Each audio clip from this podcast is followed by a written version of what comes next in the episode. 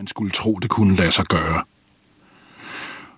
Why in the world would anybody put chains on me?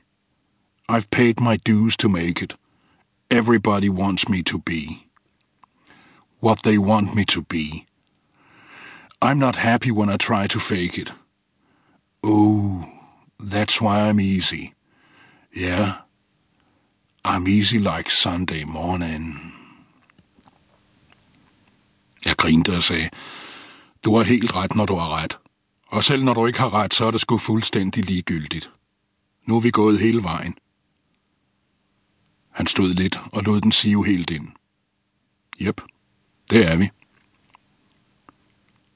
Vi smed et par skovlfulde sand hen over vores lig og tog nogle billeder.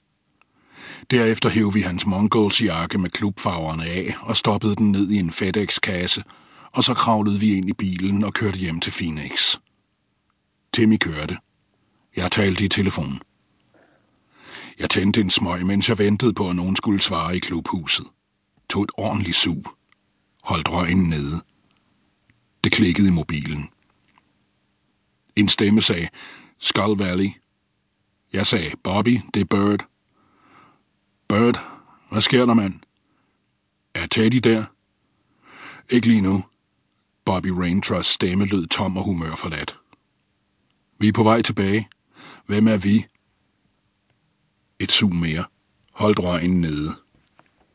Jeg sagde, mig og Tom. Pops er ikke med?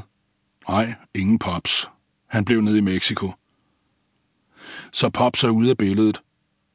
Jeg kunne høre ham tænde en smøg. Han var begyndt at ryge igen, efter han havde mødt mig. Jep. Wow. Bobby sugede, inhalerede dybt, holdt røgen nede. Jeg sagde, tror du ikke, det er smartere, at vi taler om det senere? Han var straks med. Jep, ja, selvfølgelig. Hvornår er I tilbage? Snart. Jeg ringer, når vi er tilbage. Ok. Kør forsigtigt.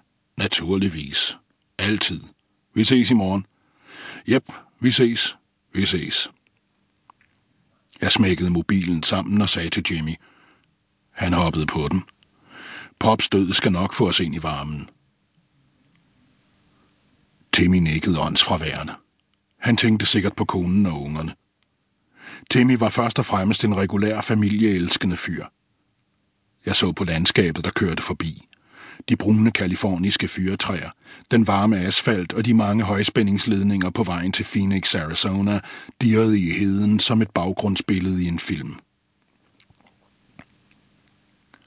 Den næste eftermiddag sad JJ, Timmy og undertegnede og knaldede foder ned i en pizza hut. Vi havde endnu ikke mødt Bobby eller nogen af de andre gutter. De havde godt af at blive lidt spændte. JJ's mobil ringede. Hun så på displayet og kiggede spørgende på mig. Jeg trak på skuldrene, stoppede endnu et stykke pizza i kæften og nikkede. JJ tog telefonen. Hallo? Hun smilede. Hej, Bobby.